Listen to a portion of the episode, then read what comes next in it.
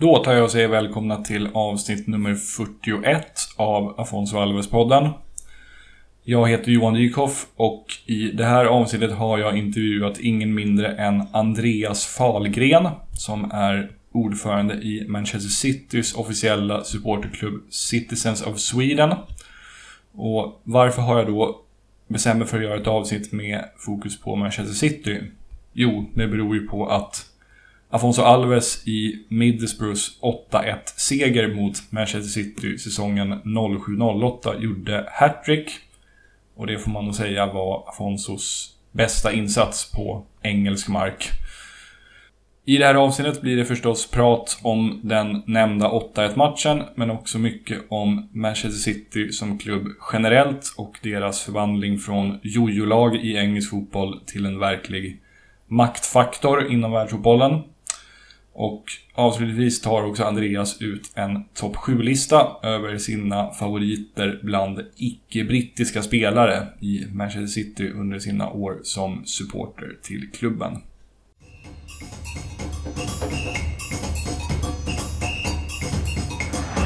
En met de goal van Alves. Jonge, jonge, jonge! Wat een fenomeen.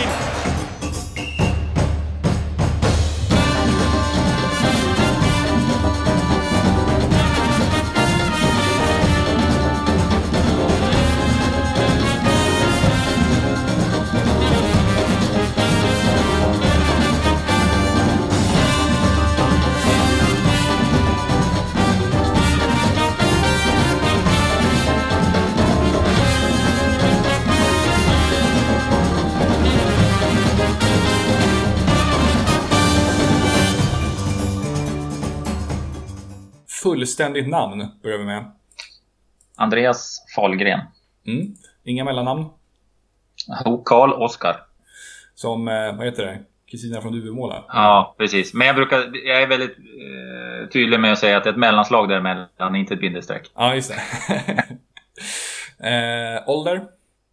Eh, jag är 43. Eh, kommer från respektive bor i? Kommer från ursprungligen Boden. Bor för tillfället i Örnsköldsvik. Mm. Hur länge har du bott där?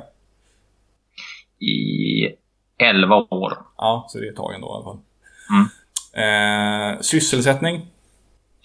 Jag är eh, avdelningschef på ett kommunalt bolag som har hand om eh, miljö och vattnet här. Alltså vatten och avlopp. Okej, är du ingenjör i botten misstänker jag då? Nej, jag är... Ja, vad är jag för någonting? Jag är egentligen bara... Jag är den som är ansvarig chef för den delen som inte är kärnverksamheten. Så jag är ansvarig för ekonomi, kundtjänst, personal och så vidare. Ja, så, okej. att, eh, så jag är egentligen... Eh, jobbar, man kan säga som stabschef om man vill dra det så. Och administrativ chef. Företaget är inte så jätte, jättestort. Så. Jag förstår. Eh, då ska vi se, favoritlag. Och det kan vara ett eller flera. Favoritlag är eh, Manchester City, eh, givetvis. Eh, friska viljor, måste jag ju säga. Och så kan jag bli ännu mer eh, lokal och säga där grabbarna sparkar boll för tillfället i Domsjö IF, som de heter. Lillpåg. Det är också tränare. Kul. Eh, då ska vi se, favoritspelare genom tiderna. Och även det kan vara en eller flera. Oj, eh, vad svårt. Eh, det är ju riktigt många helt enkelt. Men eh, och jag ska kanske inte ska föregå listan heller på det sättet. Eh, Det gör du som du vill. Ja. Jag tycker att på, på min tid så Nicky Weaver och Sergio Agüero skulle jag kunna säga. Mm. Eh, tvärtom då, någon eller några spelare som du inte gillar av någon anledning. Oj, oj, oj, oj, oj, oj. Här blir det enklare. eh, och de brukar oftast ha röda tröjor på sig av någon anledning. Jag misstänker det. Eh, Nej, men jag kan, jag kan ta två i alla fall. Ashley Cole och Filippe Inzaghi. Mm. Hur, eh, hur kommer det sig? Eh, ja, jag är väl eh, löjligt naiv, men jag tycker ju att sporten ska utövas så rent som det bara går. Men det, det, det är två stycken som tycker om att, att eh, göra allt, även om det innebär en viss del utav fuskning för att man ska vinna. Ja, okej. Tycker jag. Man, alltså, Inzaghi var aldrig offside, men han var alltid offside. Och han förde alltid i straffområdet så fort man kan och så vidare. Och även Ashley Cole har de tendenserna tyvärr. Ja, förstår. Eh, en spelare vars skor du själv gärna hade varit i, i ett visst ögonblick. Den var inget svår. Eh, Sergio Aguero när man sparkade in 3-2 mot Queens Park Rangers. Ja, den hade jag också nästan kunnat gissa. ja, det var... Även jag som inte är något City-fan tyckte det var skitmäktigt mm. faktiskt. Jag var på plats också. Det var helt jävla sjukt. Ja, ah, shit. Ja, fan vad häftigt. Ja. ja. Eh, den här har du redan varit inne lite grann på, men eh, vi tar den i alla fall. En företeelse inom fotbollen som du inte gillar? Ja, då kan man säga filmning och oschysst spel. Jag, jag, tycker det har gått för långt. På något sätt så tycker jag man måste ta hand om det där. Uh, det finns massa olika sätt att ta det, men uh, någonting måste göras någonstans. Jag tycker det, den är, sporten är knappt fysisk längre i vissa lägen. Det är svårt att vara domare, men det är svårt att... Ja, jag, jag, jag blir mer och mer irriterad märker Eller så är det bara åldern. Jag kanske börjar bli gammal och gnälla istället. Någon kombination. Men du, du tycker till exempel att man borde kika mer på efterhandsbestraffningar och sånt? Absolut, det tycker jag. Ja. Eh, då ska vi se, favoritsport förutom fotboll? Om vi nu jag utgår från fotboll är din favoritsport. Ja, den har ju i princip blivit min enda sport. Mm. Eh, och vad skulle man... Ja, vad fasen. Jag, jag, jag, följer ju egentligen all sport där Sverige är representerat på internationell nivå. Eh, gör jag ju. Eh, och just nu är jag inne i att följa, inte för att jag är överhuvudtaget motorintresserad, men jag följer F1-cirkusen. För den tycker jag är rolig. Ja, ja. Med, vad heter han? Marcus Eriksson? Eriksson, Marcus. Just ja, det. precis. Jag eh, främsta egna idrottsmeriter kommer vi till sen. Eh, ja, gammal fotbollsspelare. Eh, spelade, i, spelade i division 2 på den tiden det inte fanns någon superettan. Vad det mm. nu inte är idag, det vet jag inte. Men eh, Eh, spelat med Skiljebo Västerås IK när både Västerås. Spelat i tvåan här uppe i norr också med Umedalen. Så seriemässigt på den nivån. Men eh, absolut största match som jag spelat, det var faktiskt en kuppmatch mot Väsby. Konstigt nog. Men då hade jag min livsmatch. Jag är, jag är gammal keeper så att jag stod i mål. Ja ah, okej. Okay. Mötte ni någon som eh, Eh, ja, det var eh, Nebošević, eh, Nevakovic, vad heter han? Neboša Nevakovic. Ja, han var ju tränare där då, spelande tränare då. Mm. Så var det. Mm.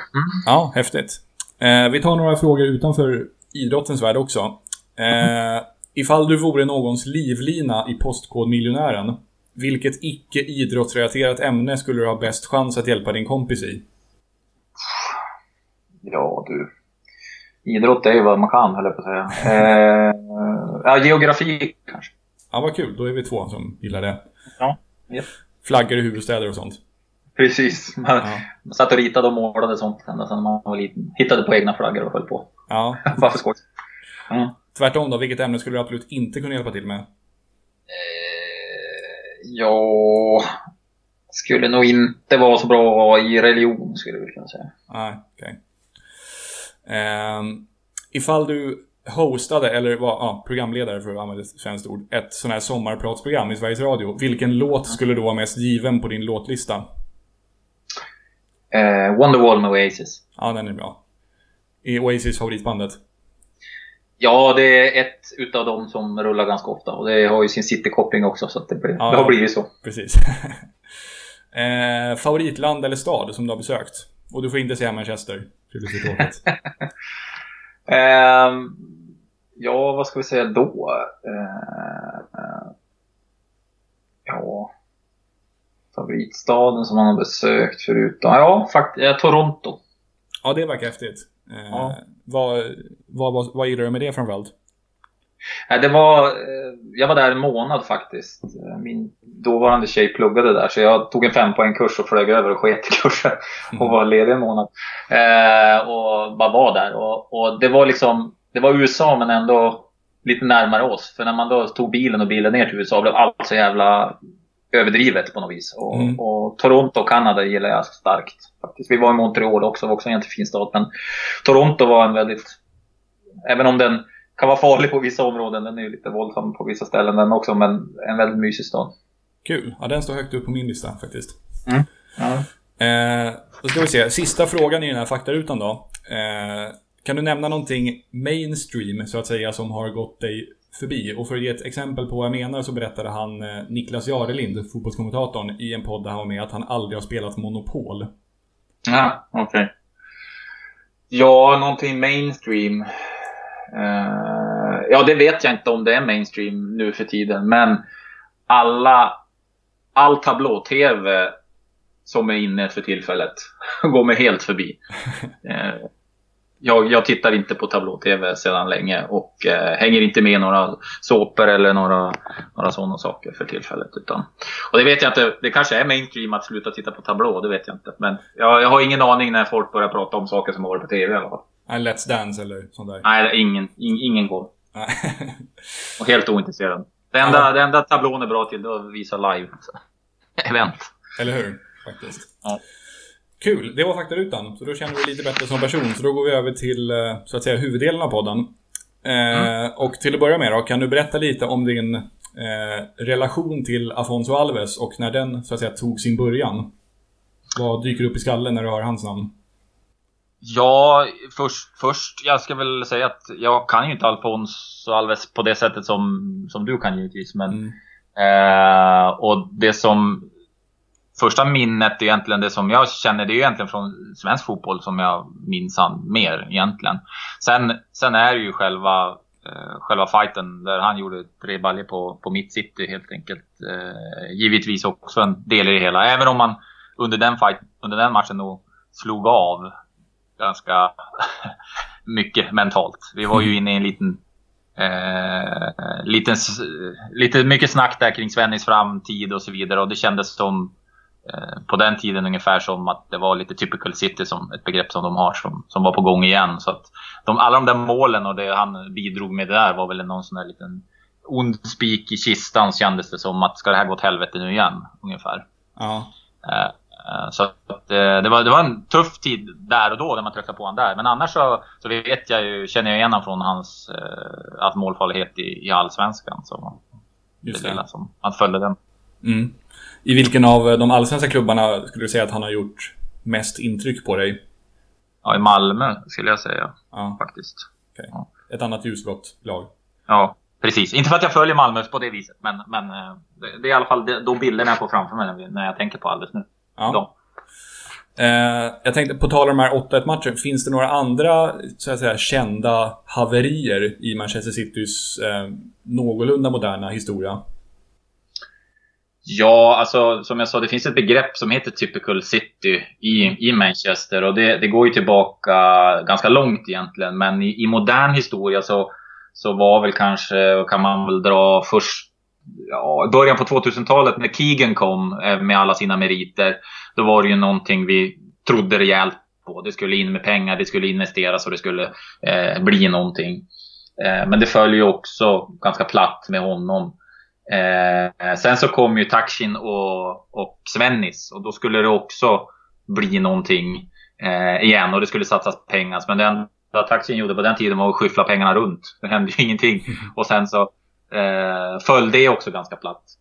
Eh, men sen, ja, efter det då, när, då var det ju Abu Dhabi som kom efter det och då Sen dess har det varit väldigt stabilt kan man väl säga. Men eh, i modern tid så har det varit just den här sportsliga håsen som vi är ganska duktiga på att driva upp själv kanske.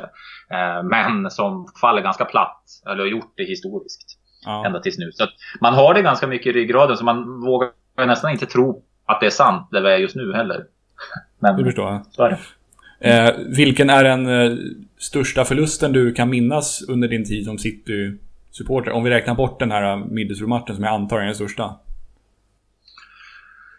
Ja, rent resultatmässigt vet jag inte om jag kan spotta ur någon rakt upp och ner, men det är ju... Eh, det finns ju... Att, att förlora mot det röda laget i stan är ju helt hopplöst. Det, mm. Där är ju nästan alla de förlusterna sårbara. Den som nästan gjorde mest ont eh, var väl en 4-3 förlust en gång när vi spelade jäkligt bra. Eh, och jag tror det var Michael Owen som skruvade in den i kryssen. Och en annan som svider riktigt hårt är ju, även om det bara blev 1-0 i den matchen, det var ju när Jeroni gjorde sin jäkla bicicleta. Och man kan liksom inte... Ja, hur snyggt det än är så kan man inte, man kan inte bara, man, man blir bara förbannad.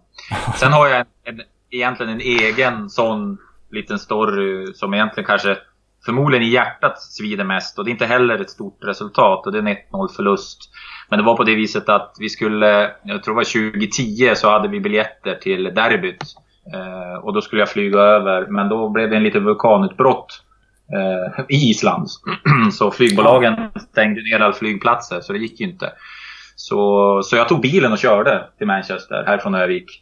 Eh, vi, vi, var tio stycken till slut. Vi plockade upp folk över hela Sverige. Och så var vi tio stycken och två bilar som tog oss över. Det tog 36 timmar enkel resa. eh, kom fram klockan sju på morgonen. Match klockan 12 tror jag. Det var en tidig match för det brukar vara så när det är derby. Och sen så gör Paul Scholes 1-0 den 93 och sen var det bara att åka hem. Så att, den, den, den var jobbig. Den var jobbig. Det förstår jag verkligen.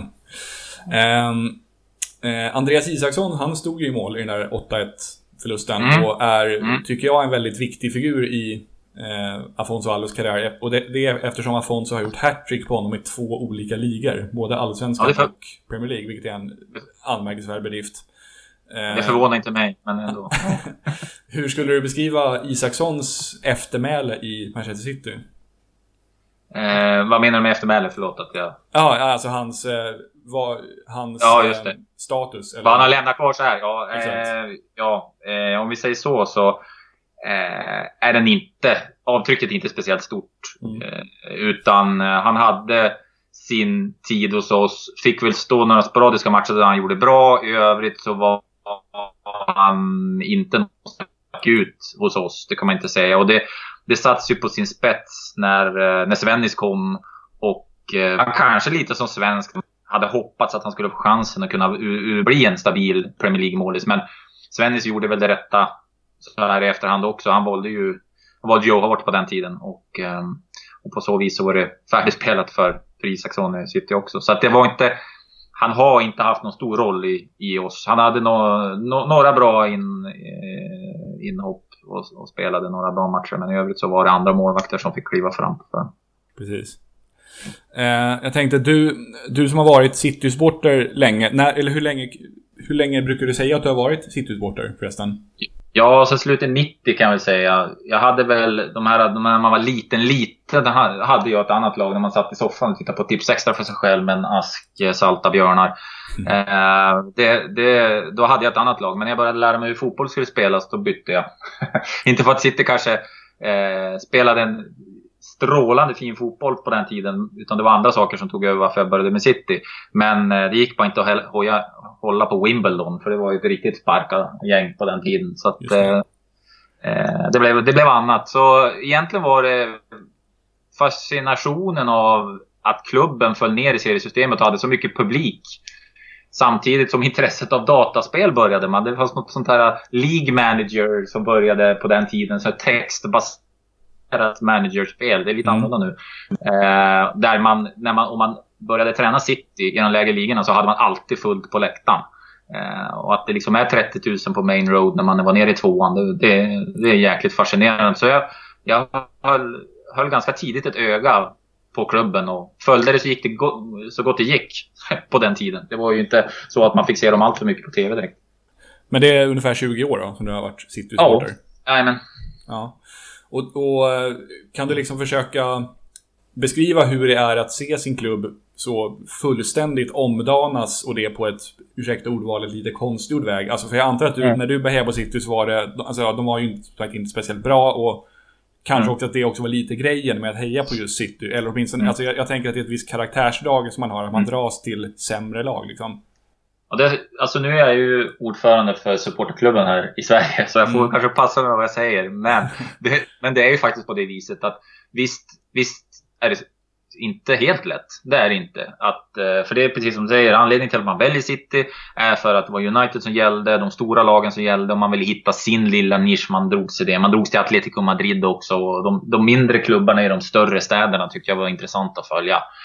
Uh, och man hade ju en en helt annan inställning till matcherna. Det var ju varje poäng är en poäng vunnen. Idag är ju varje förlorad poäng, alltså tar vinner man inte så förlorar man ju poäng. Då man som mm. förlorar matcher. Och det är ett helt annat sätt att heja på ett lag och det ställs så otroligt höga krav på laget idag jämförelsevis med vad det gjorde förut. Så att det, det är inte helt eh, enkelt att ställa om i den inställningen. Det är det inte. Eh, men, men sen har jag ju haft turen att jag, jag är ju ofta i Manchester och jag får ju träffa fansen och jag får, och jag märker ju att det här är ju det är ett genuint supportergäng som bakom den här klubben så himla himla länge. Som är så stolta över att det faktiskt är våran tur nu på något mm. sätt. Så att, att se hur de följer klubben idag och hur de tar till sig det här på ett sånt otroligt hjärtligt sätt.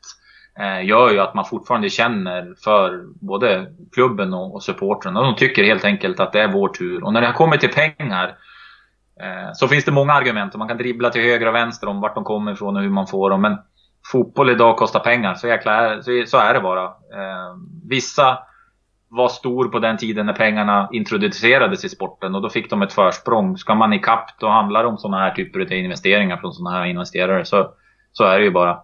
Mm. Och det kan man ju tycka är jävligt tråkigt. Ehm, och ja, det, det kan man. Ja. Men, men, det, men det är som sagt en helt omvänd klubb. Men jag tycker väldigt mycket om kopplingen som de jobbar väldigt mycket mot sina supportrar fortfarande. Mm. Ehm, och plus att de, de håller ner biljettpriserna. Vi har bland ligans billigaste matchbiljetter fortfarande fastän vi är ett sånt attraktivt lag. Eh, man bygger upp runt arenan, man bygger upp skolor, communities och man, man investerar extremt mycket pengar i stan också. Det är, inte, det är inte bara att köpa den bästa spelaren som gäller utan det här är någonting helt annat och aldrig setts förut i, i, ja, i fotbollen överhuvudtaget skulle jag säga. Så som de går in med sina, sitt kapital ja. på andra ställen. Förstår. Så du känner, känner ändå att det är liksom det är mest kul ändå att, att City är det de är idag? Ja, det är mest kul. Det, det som är kul är väl kanske någonstans att även om man, man valde laget för att de alltid var underdogs, man var en motgångssupporter som man kallar det på något sätt. Mm. Eh, så, så är det ju en resa som jag inte skulle vilja vara utan. Att liksom ha fått uppleva det här från lilla klubben till en av världens största. Det, och så dessutom göra det jag gör för att vara så nära. Det är ju eh, det är fantastiskt. Ja. De, först, de första åren då var det ungefär som att det var vaktmästaren som kom och öppnade en dörr och sa Hej tjena, skulle ni ha möte här inne eller? Och släppte in, en på, släppte in oss på Etihad. Liksom, ja, om ni går upp på övervåningen där uppe. Nu är det en mycket större apparat, men det är fortfarande samma känsla när man kommer dit. Eh, och de är väldigt, väldigt duktiga på att ha en familjär känsla i, i föreningen. Så det, så det är kul. Ja, häftigt. Så du hade inte föredragit att City var som typ, vad vet jag, Birmingham idag? Nej, det, som sagt, jag, jag, skulle nog... Jag skulle vilja ha gjort den här resan. Jag skulle inte vilja vara utan den.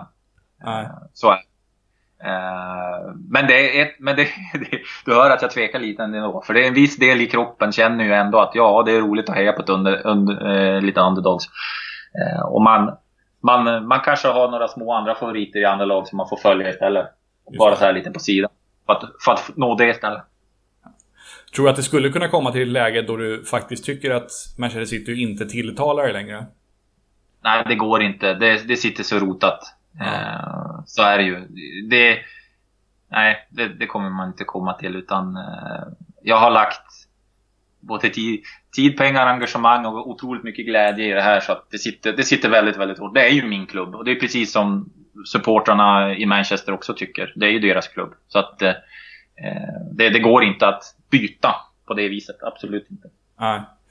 Eh, ja, jag sa inte det tidigare, men jag är Charlton-supporter. Numera betydligt mindre engagerad än för 10-15 år sedan. Men jag har ett väldigt tydligt minne kopplat till City och det är att Charlton slog City med, jag tror det var 4-0 eller 4-1 i en premiär i Premier League när båda var nykomlingar. Det här måste vara ja. kanske 0-0-0-1 eller något sånt där. Mm. Det känns ja. väl, väldigt, väldigt, väldigt långt bort idag kan man ja, säga. det var det det är det. Charlton ja. harvar i League One, liksom. Mm. Det var därför du kände Nicky Weaver så snabbt va? För gick han till Charlton? Eller vart ja, han, han, var, han var där flera säsonger. Eh, ja. Och var rätt bra till och med. Så ja. absolut, honom, honom har jag koll på. Eh, skulle du säga att det finns något enskilt ögonblick eller i alla fall någon period då så att säga poletten trillade ner och du insåg att okej, okay, nu är vi faktiskt ett liksom, världsklasslag på riktigt? Ja, vad, vad skulle det varit? Jag, den föll... Alltså med det här lilla typical city-mindsetet som man ändå hade väldigt mycket med sig på den tiden. Så, att, så det var inte så att man trodde att nu kommer världen att förändras från dag till dag. Man vågade inte tro det eh, direkt liksom när Robinho kastas in i det hela. Mm. Eh, det är ju många som säger oj, vi kunde signa Robinho. Men det var ju ändå så här, ja, men tänkte man. Eh, det här är också bara någon, nu börjar det byggas upp igen. Sen kommer ju TVs och Rocky Santa Cruz tror jag kom den här säsongen och så här. Det, liksom, det börjar ramla in lite större namn. Men eh, egentligen, ja... Ja, en, en, en säsong in, en och en halv säsong in i, i den här satsningen egentligen. Mm. Eh, första året, vi, vi kom, det blev ju en väldigt bra säsong direkt. Men eh, en och en halv säsong in ungefär så började man väl tro på det. Och det var väl, jag, ja. jag tycker väl att det var till viss del så... Eh, ja. Tevez hade en stor del i det hela. Större än Robinho tycker jag. Tevez var en väldigt viktig spelare för oss på den tiden. Mm. Eh, förra säsongen, var den liksom... Känns det som att det var ytterligare ett steg, ett steg uppåt i världsfotbollshierarkin? I och med att ni vann så fullständigt överlägset i Premier League, tänker jag. Ja, det är klart att det är ett steg uppåt. Sen vet jag inte hur många mer steg man kan ta snart. Nu är Champions League kvar då. Men, men, men det vi presterade i fjol var ju, ja, vad ska man säga? Man, det, det, ja, absolut eh, en nivå som... Det är inte många lag som har kommit upp till när de har varit som bäst i Europa heller. Men det är klart att det finns andra som har varit så. Men, men att liksom ta 100 poäng i Premier League och jag tror vi gjorde, ja, vi gjorde över 100, 100 mål. Vi vann väl 30 dryga matcher och, mm. och sådär. Så det var, det var ju helt sjukt. En sjuk säsong och att det var klart så tidigt på något sätt visar ju ändå hur långt vi hade kommit och hur, hur pusselbitarna föll på plats helt enkelt. Eh, sen är det ju alltid, man vill ju alltid ha en spänning och man vill ju alltid ha, så jag hoppas att, att eh, även om vi går bra, att det finns fler lag som gör, gör det till spänning så att säga. Nu har vi ju redan börjat tappa poäng så att det, allt kan ju hända det här året. Ja, precis. Det är ju roligare att vinna. Jag antar att det är roligare att vinna på ett sånt här Aguero mot Queens Park Rangers sätt än att vinna ja. ligan i mars liksom. Jo, så är det ju såklart. Ja. Eh, jag tänkte vi skulle prata lite om Citizens of Sweden också. Ja, eh, kan du berätta när och hur du blev engagerad i eh, Citizens of Sweden? Ja, det kan jag. Det var 2007, kan jag säga faktiskt exakt. På sommaren så eh, var det så att eh, Svennis var ju tränare då, hade precis tagit över och skulle ta, tog ju City till Sverige för två stycken träningsmatcher. De spelade mot ett, något Karlstad-lag och så var de med, mötte de Örgryte tror jag de spelade. Mm. Eh, och jag tänkte, jag åker till, jag bodde i Västerås på den tiden, så jag, jag tar mig till Karlstad såklart och kollar på dem där. Eh, så jag mässar på Svenska fans då, den här fansidan som finns. Eh, är det någon som ska norrifrån och åka över till, till Karlstad kan de gärna plocka upp mig i Västerås. Så jag åkte dit, träffade en kille som, eh, en trevlig grabb, surrade sitt givetvis. Han var duktig på det. Han och jag surrade ihop oss. Han, vi borde bygga en, en egen fansite och ett forum för diskussioner och så vidare.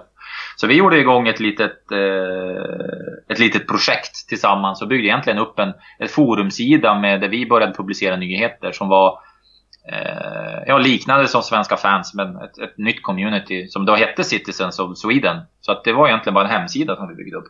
Mm. Men ganska snabbt började det bli, samlas ganska gott om folk på, på den här sidan och tyckte att ja men, eh, ja, finns det ingen supporterklubb? Nej, det finns det ju inte. Inte aktiv just nu. Så ja, men kan inte ni bilda en? Så att, ja, det lät väl som en rolig idé. Så vi, vi skickade ett mail till England och frågade vad krävs det för att vi ska få starta en supporterklubb till City här i Sverige? Ja, det har ni väl i princip redan gjort om ni är intresserade. Ja, ja okej okay då. Ja, vad kostar det då? Eller vad händer då? Ja, det kostade, vad sa de, 80 pund eller något sånt där. Eller 50 pund, jag kommer inte ihåg vad det var. Mm. Ja, okej, okay, vart sätter vi in de pengarna? Nej, men de får ni komma med när ni kommer hit nästa gång. de hade inga banköverföringar. Utan det var bara, okej, okay, vi åkte över då.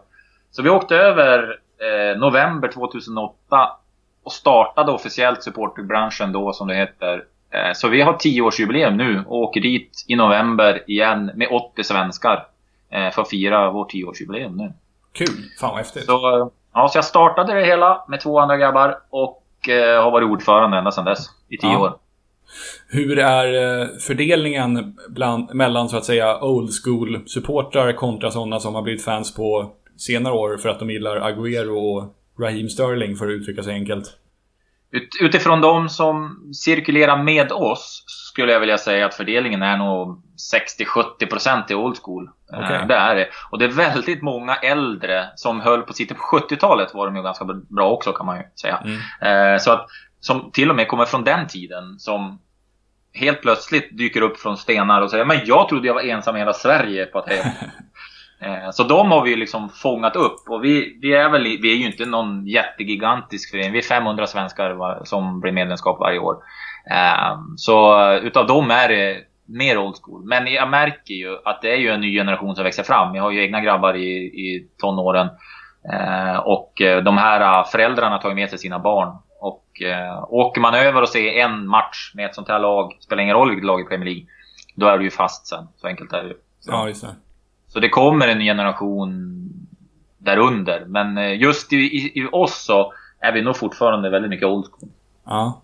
Är du lite så här snobbig gentemot de yngre för att de inte kan dra Paul Dickov och Sean Goater-anekdoter på beställning?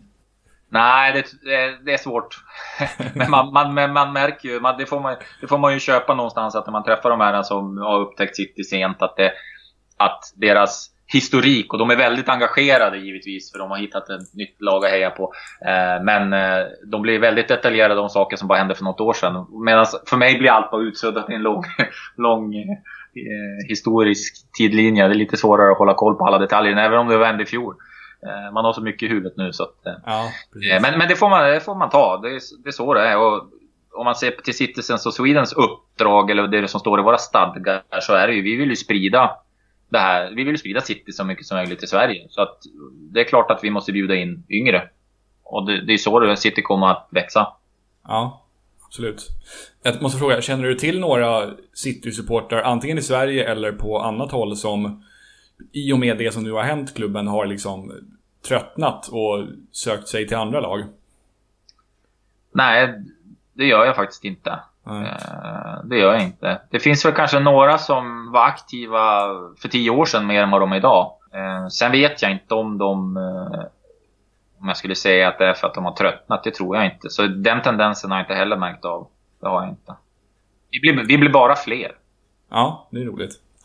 Eh, jag måste också, på tal om gamla, eh, på tal om City-historien. Jag är ett stort fan av MLS och har följt den ligan länge och sk- skrev om den för Svenska fans i många år. Och en spelare med City-bakgrund som väldigt otippat har tagit MLS med storm är ju Bradley Wright Phillips. Mm. Eh, Ja. han, han passerade 100 gjorda ligamål i MLS för några veckor sedan och Ja, trots att, trots att han liksom fick provspela sig till ett kontrakt med New York Red Bulls för, Mm. vad är det, fem år sedan tror jag det är. Och ingen höjde på ögonbrynen när han blev klar. Men han är alltså en av, en av MLS-historiens bästa målskyttar. Ja, det, är, Mm. det är coolt. Han var ju, han var ju bara lillebrorsan i, i våra ögon, så att säga. Han var, fick väl aldrig riktigt chansen hos oss heller, utan, eh, utan det var ju storebrorsan som tog den. Eh, på sin, Sean Wright Phillips. Så, Precis. eh, så det är kul. Det är, det är väl roligt att man, man kan ta andra vägar till den stor, stora scenen också. Ja, verkligen. Och han var ju bra i Charlton också, mitt favoritlag. Han Ja, hade det. en, en säsong där han gjorde, tror jag, 24 mål eller någonting. Så, Ja, just det. Var det så pass? I, i vilken, vart spelade Charlton då? Var det i Premier League? Nej, det Nej. var i League One. Eh, Ja, just det. Och sen när Charlton väl gick upp till The Championship, då tappade han sin plats i startelvan och blev utlånad till om det var Brentford eller något sånt Ja, just det. Ja. i League One. Och sen tog, gick kontraktet ut och han provtränades till ett, i ett MLS-kontrakt. Och Ja. The rest Ja. is history, som de säger. Ja, precis. Det är så man nästan skulle kunna spela den här uh, FIFA, the, FIFA the Journey med, med en sån resa. Mm. Du, som nu, de nu gör, nu alla kids som spelar FIFA. Ja, den är helt, helt osannolik verkligen. Mm. Eh, kul. Eh, hörru du, vi kan ta och gå in på eh, den här topp 7-listan.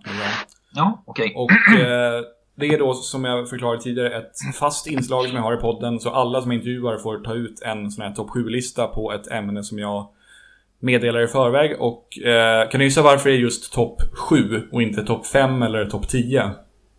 Som brukar vara Oj, det, det, har, det har ju givetvis en koppling till Alves på något sätt. Hade han siffran 7? Nej. Ja, det, det är en vanlig gissning, men det är att han gjorde, han gjorde sju mål i en match när han spelade i Heerenveen. Ja, ja, just det. Just det.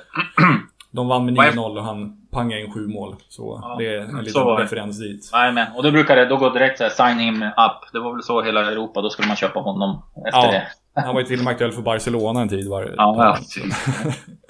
Eh, och för dig så valde jag eh, ämnet topp 7 eh, favoritutlänningar, eller ja, icke-britter under din tid som City-supporter. ja. Eh, så det är bara att köra igång. Gärna någon liten motivering till varje någon och börja gärna från nummer 7 och arbeta Ja. uppåt. Absolut. Eh, jag kan ju säga att det här var inte lätt. Alltså det, det, det är ju så att det finns ju många spelare som man väljer bort i en sån här lista, tyvärr. Men jag har försökt gå lite på, bara på känsla. Eh, och eh, även om man kommer långt ner på en sån här lista som plats sju så är man ju en, en stor del av Citys historia och i mitt hjärta också. Så på sjunde plats kommer Pablo Zabaleta, argentinaren. Eh, som kom från Espanyol 2008. Så han var ju, han har ju varit personifierad eh, ett stort hjärta för City och givit allt i allting i, i alla lägen.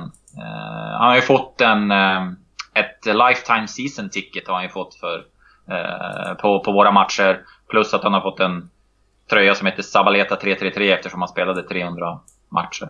Mm. Så han har varit en stor del i, i det eh, från 2008-tiden. Eh, sen är det ju så att vi har ju så otroligt många bra spelare nu i, i våran trupp. Så det är svårt att inte plocka ut många därifrån. Men, men på sjätte plats då, om jag får säga så. Kanske lågt, kanske några tycker, eh, är ju Kevin De Bruyne då. Mm. Han har varit med några år och han är ju en fantastisk lirare. Och han är ju absolut en av världens bästa mittfältare idag på, på vilken given dag. Otroligt tråkigt på, på knät som har pajat och så som det ser ut just nu. Men just det där att få ta en, hela historien då, även där resan som han har gjort. Chelsea Reject och allt och kommit via Tyskland tillbaka till oss och, och, och bara blommat ut. Eh, gör ju att han har ju verkligen... Eh, ja, han, han hoppas vi ju på visa upp sig i många år framöver hos oss. Mm. Femte plats, lite äldre spelare. På slutet av 90-talet så var det ju på det viset att hur kunde man inte förälska sig i en, i en spelare som hette Giorgio Kinkladze som kommer från Georgien. Det var, nästan, det var nästan helt omöjligt att inte bli kär i den. Han var en trollerigubbe utan dess like. En sån här som sprang med bollen och dribblade till höger och vänster som man såg det på 90-talet. Så som det gick att spela fotboll på 90-talet som inte skulle funka idag. Mm. Men han var ju verkligen våran trollgubbe då och han var ju extremt älskad. Jag tror han bara gjorde en tre säsonger kanske i City. Men han var ju, han blev röstad till ett par gånger Player of the Year. Eh, var med när vi ramlade ner en division, men sen får han till Ajax när vi ramlade ner två divisioner. Eh, men på den tiden så, eh, det man fick se av han var ju verkligen någonting extraordinärt. Och så inte minst namnet gick ju väldigt lätt att lära sig. Eh, och det satt ju på, den här tiden. Ehm, nummer fyra då. Eh, där skulle jag vilja säga att vi går över till Brasilien. Vi har ju haft några brassar. Eh, Mm. Men den som jag absolut älskade när vi hade, på alla sätt och vis, det var Elano. Mm. Eh, han kom från Shakhtar 2007. Gjorde inte heller så många säsonger. Två och, två och en halv.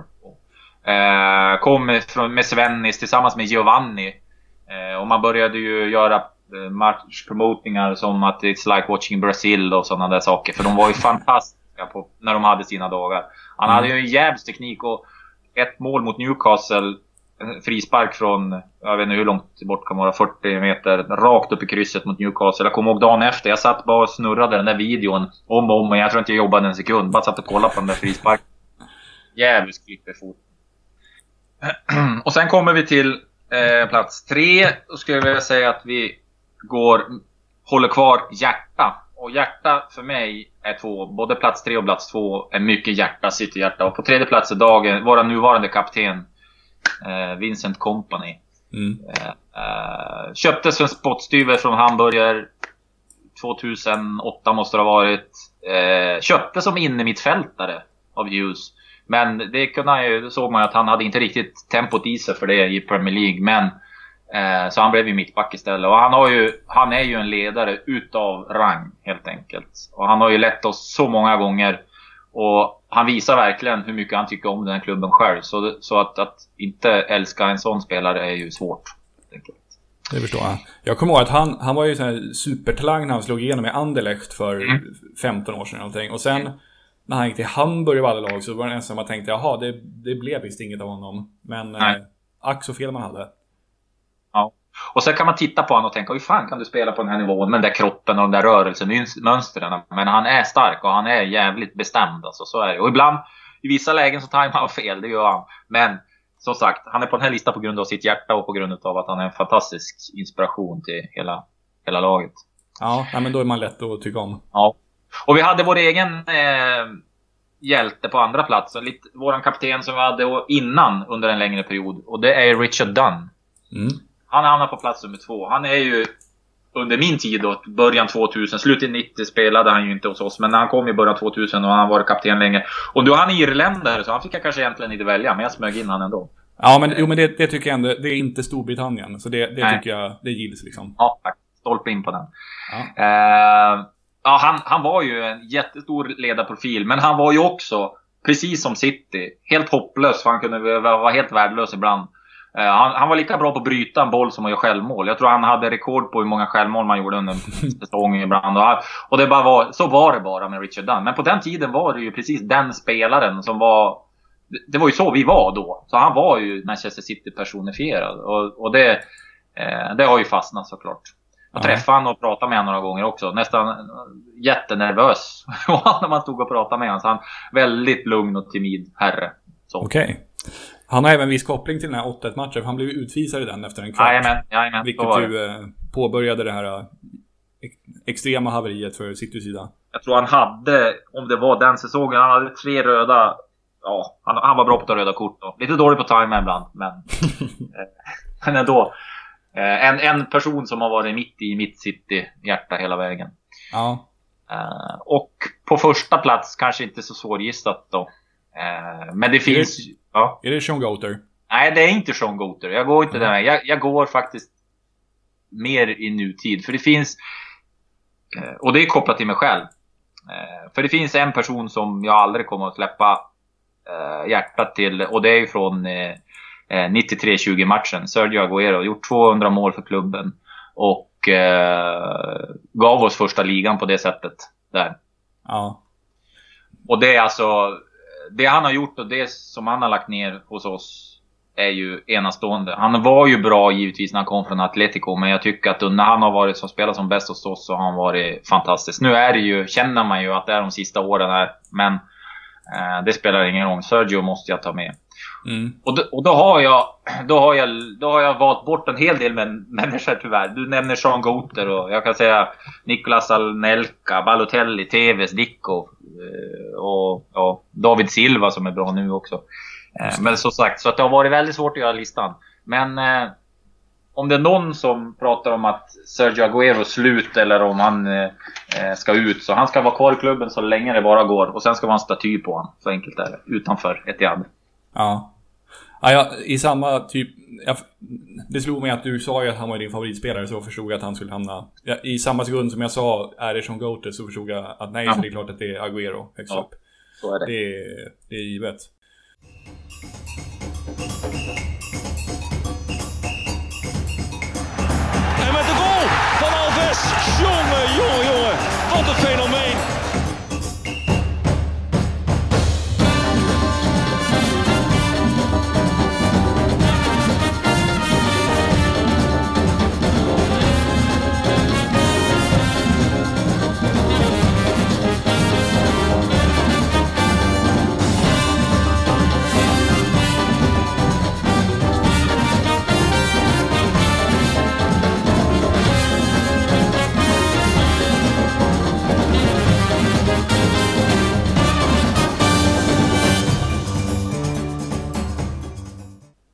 Sådär ja, då tackar vi Andreas Fahlgren för att han tog sig tid att ställa upp på den här intervjun och vi önskar honom såklart allt gott framöver. Eh, ytterligare intervjuer är på ingång. Jag har en inbokad nu senare den här veckan och då kan jag väl redan nu avslöja att det blir fokus på Eredivisie igen och den intervjun ser jag mycket fram emot. Eh, det var väl allt för den här gången, tror jag. Ja, vi säger att det var allt helt enkelt. Ha det så länge. kära.